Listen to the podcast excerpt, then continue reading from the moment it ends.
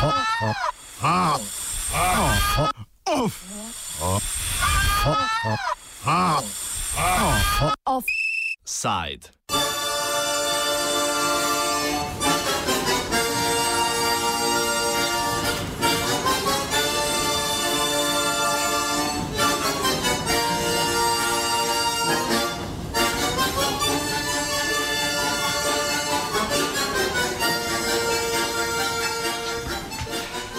Volilni okraji, da ali ne?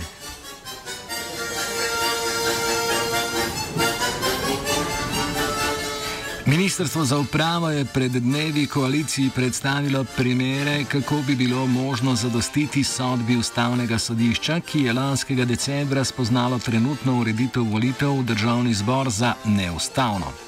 Problem toč, tiči v volilnih okrajih, ki se po velikosti močno razlikujejo. Danes je minister Rudi Medved predloge predstavil tudi vsem parlamentarnim strankam na delovnem sestanku pri predsedniku republike Borutu Pahorju, ki vodi pogovore.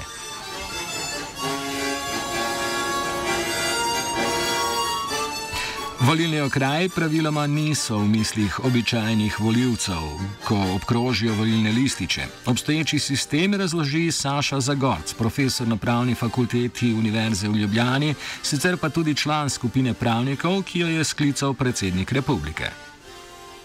Če odmislimo volitve poslancev narodnih skupnosti, ki imajo posebno ločen večinski sistem, ima večina slovenskega prebivalstva eh, posebno pozicijo v izbiranju poslancev, ki bodo jih zastopali v naslednjih štirih letih. Imamo čisti proporcionalni sistem, ki ga določa že ustava. V ustavi je določeno tudi tako imenovani volilni prak, ki je od 4 odstotke.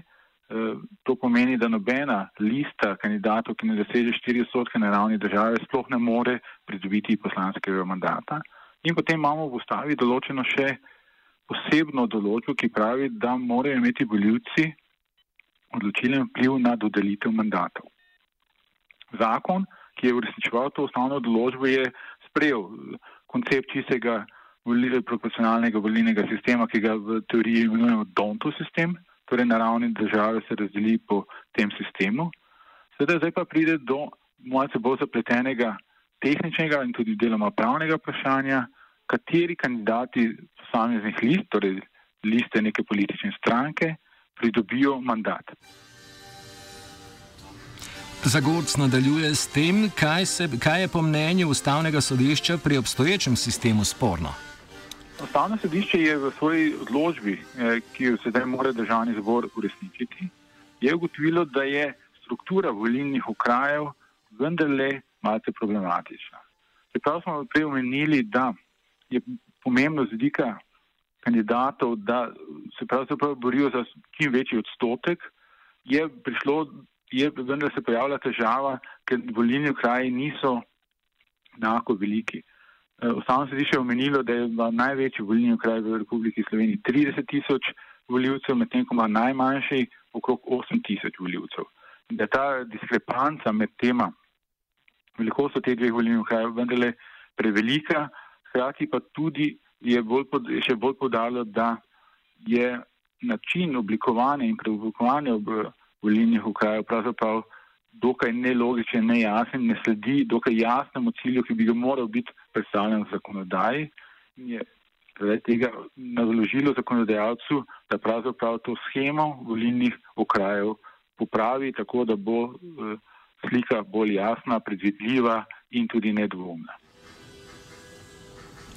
Sodba ustavnega sodišča je pustila zakonodajalcem eh, precej prostora, kako naj odpravijo neskladje z ustavom. Kot najbolj realistični sta se pojavili možnosti spremembe meja okrajev in sprememba volilnega sistema z ukinitvijo volilnih okrajev in uvedbo preferenčnega glasu. To, kar je ustavno sodišče reklo, da je treba odpraviti, torej to eh, nejasnost sistema in scheme volilnih okrajev, mogoče odpraviti na več načinov nekaj jih je bolj politično realnih, nekaj jih je politično popolnoma nerealnih. Ne. Recimo pa začnimo s temi slednjimi. To, da bi zdaj v danem trenutku spremenili ustavo in pravzaprav preoblikovali volilni sistem v celoti, je manj verjetno. Deloma bi moralo biti bolj smiselno za, za otenek dvigniti volilni prak, vendar verjetno zato, ker takšnega ni eh, ustavne večine v državnem zboru. Drugi pristop eh, je ta, ki ga pravzaprav ponudilo že ustavno sodišče. Torej, prevelikujte pravila igre za oblikovanje volilnih okrajev in tudi za njihovo spreminjanje, oziroma konkretno prilagodite volilne okraje tako, da bodo v večji meri ustrezali neki enakopravni, enakomerni porazdelitvi po številu voljivcev oziroma številu prebivalstva v posameznem volilnem okraju. To je druga rešitev. To je ena, ki pravzaprav poskuša tudi vlada v svojih naporih slediti, saj imeti možnost uh, ustrezne presoje tega v državnem zboru. Tretja možnost je pa, da bi pa v tolični meri spremenili dosedanji volilni sistem, pa zgolj na zakonodajni ravni, da to vprašanje volilnih okrajev več sploh ne bi bilo relevantno. Torej, da bi jih pravzaprav ukinili.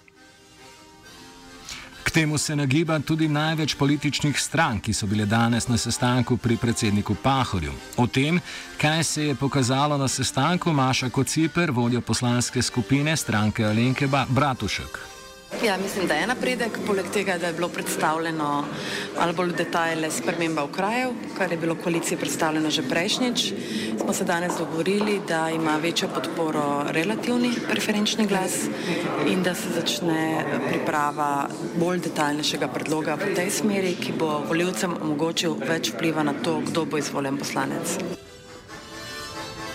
Ohranitvi volilnih okrajev so še najbolj naklonjeni v strankah Desus in SD, vendar so oboji pripravljeni podpreti tudi njihovo ukinitev in uvedbo relativnega preferenčnega glasu. Sestane, sestanke komentira vodja poslanske skupine Desus Franc Jurša. Pri predsedniku smo se dogovorili, da eh, do konca poletja, se pravi do konca počitnic, se pripravi predlog eh, za spremembo volilnih okrajev. Do počitnic pa se naj pripravi predlog eh, z preferenčnim glasom, ukojnitev v kraju, eh, s tem, da seveda eh, smo tukaj govorili ne o zahtevnejšem, ampak o splošnem preferenčnem glasu. Ustavna neskladnost volilnega zakona se bo do jeseni reševala po dveh tirih. O tem, kaj bo do naslednjega sestanka, ki ga bo junija pripravilo Ministrstvo za upravo, minister Rudi Medved. Jaz imam zelo dober občutek in eh, še vedno sem prepričan, da do konca leta lahko uh, izpolnimo zahteve Ustavnega sodišča v zvezi z volilnim uh, sistemom. Uh, je pa tako, kot smo nekako predvideli uh, že pred tem sestankom. Uh, zanimanje uh, vseh političnih strank, da se uh, meje volivnih okrajev v vseh volivnih enotah narišajo na novo in uskladijo z zahtevami ustavnega sodišča je, uh, ker se politične stranke želijo odločati vsaj med dvema kvalitetnima predlogoma. Ministrstvo bo še naprej delalo tudi na spreminjanju meja okrajev. V to smer bo seveda Ministrstvo za javno upravo zdaj pripravljalo uh, gradiva. Uh, relativno hitro lahko uh, pripravimo besedilo oziroma delno popravimo, saj besedilo je pravzaprav že pripravljeno za spremembe zakonov o volitvah v državni zbor z ukinitvijo volivnih okrajev in relativnim preferenčnim glasom. Meje okrajev se bodo morale na to stalno prilagajati demografskim gibanjem. O tem, kako bi to potekalo, če se volilni okraje ohranijo, Matej Vatovec, vodja poslanske skupine Levice, pri kateri sicer zagovarjajo ukinitev okrajev. Ideja je bila, da bi v, do, v zakonu bilo določeno, da neka, neka komisija predlaga potem na nek uh, določen interval, ne vem, 50 ali pa x let, uh, nove, nove meje in bi jih potem morali sprejemati, seveda kot zakon oziroma kot spremembe zakona vsak, na vsak ta interval. Če je večina strank naklonjena ukinitvi volilnih okrajev, so precejšna nesoglasja glede tega, kakšen naj bi bil preferenčni glas, prek katerega bi voljivci imeli vpliv na to, kdo iz posamezne strankine oziroma strankarske liste bo dobil sedež v parlamentu. O možnosti preferenčnega glasu Saša Zagorc.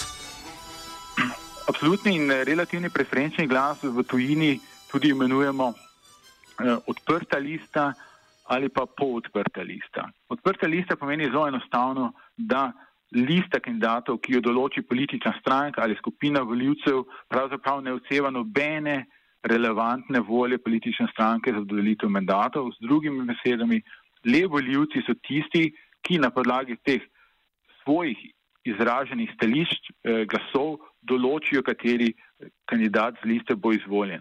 V domače povedano, kdo bo dobil dovolj pre, več preferenčnih glasov od drugega, bo pravzaprav izvoljen.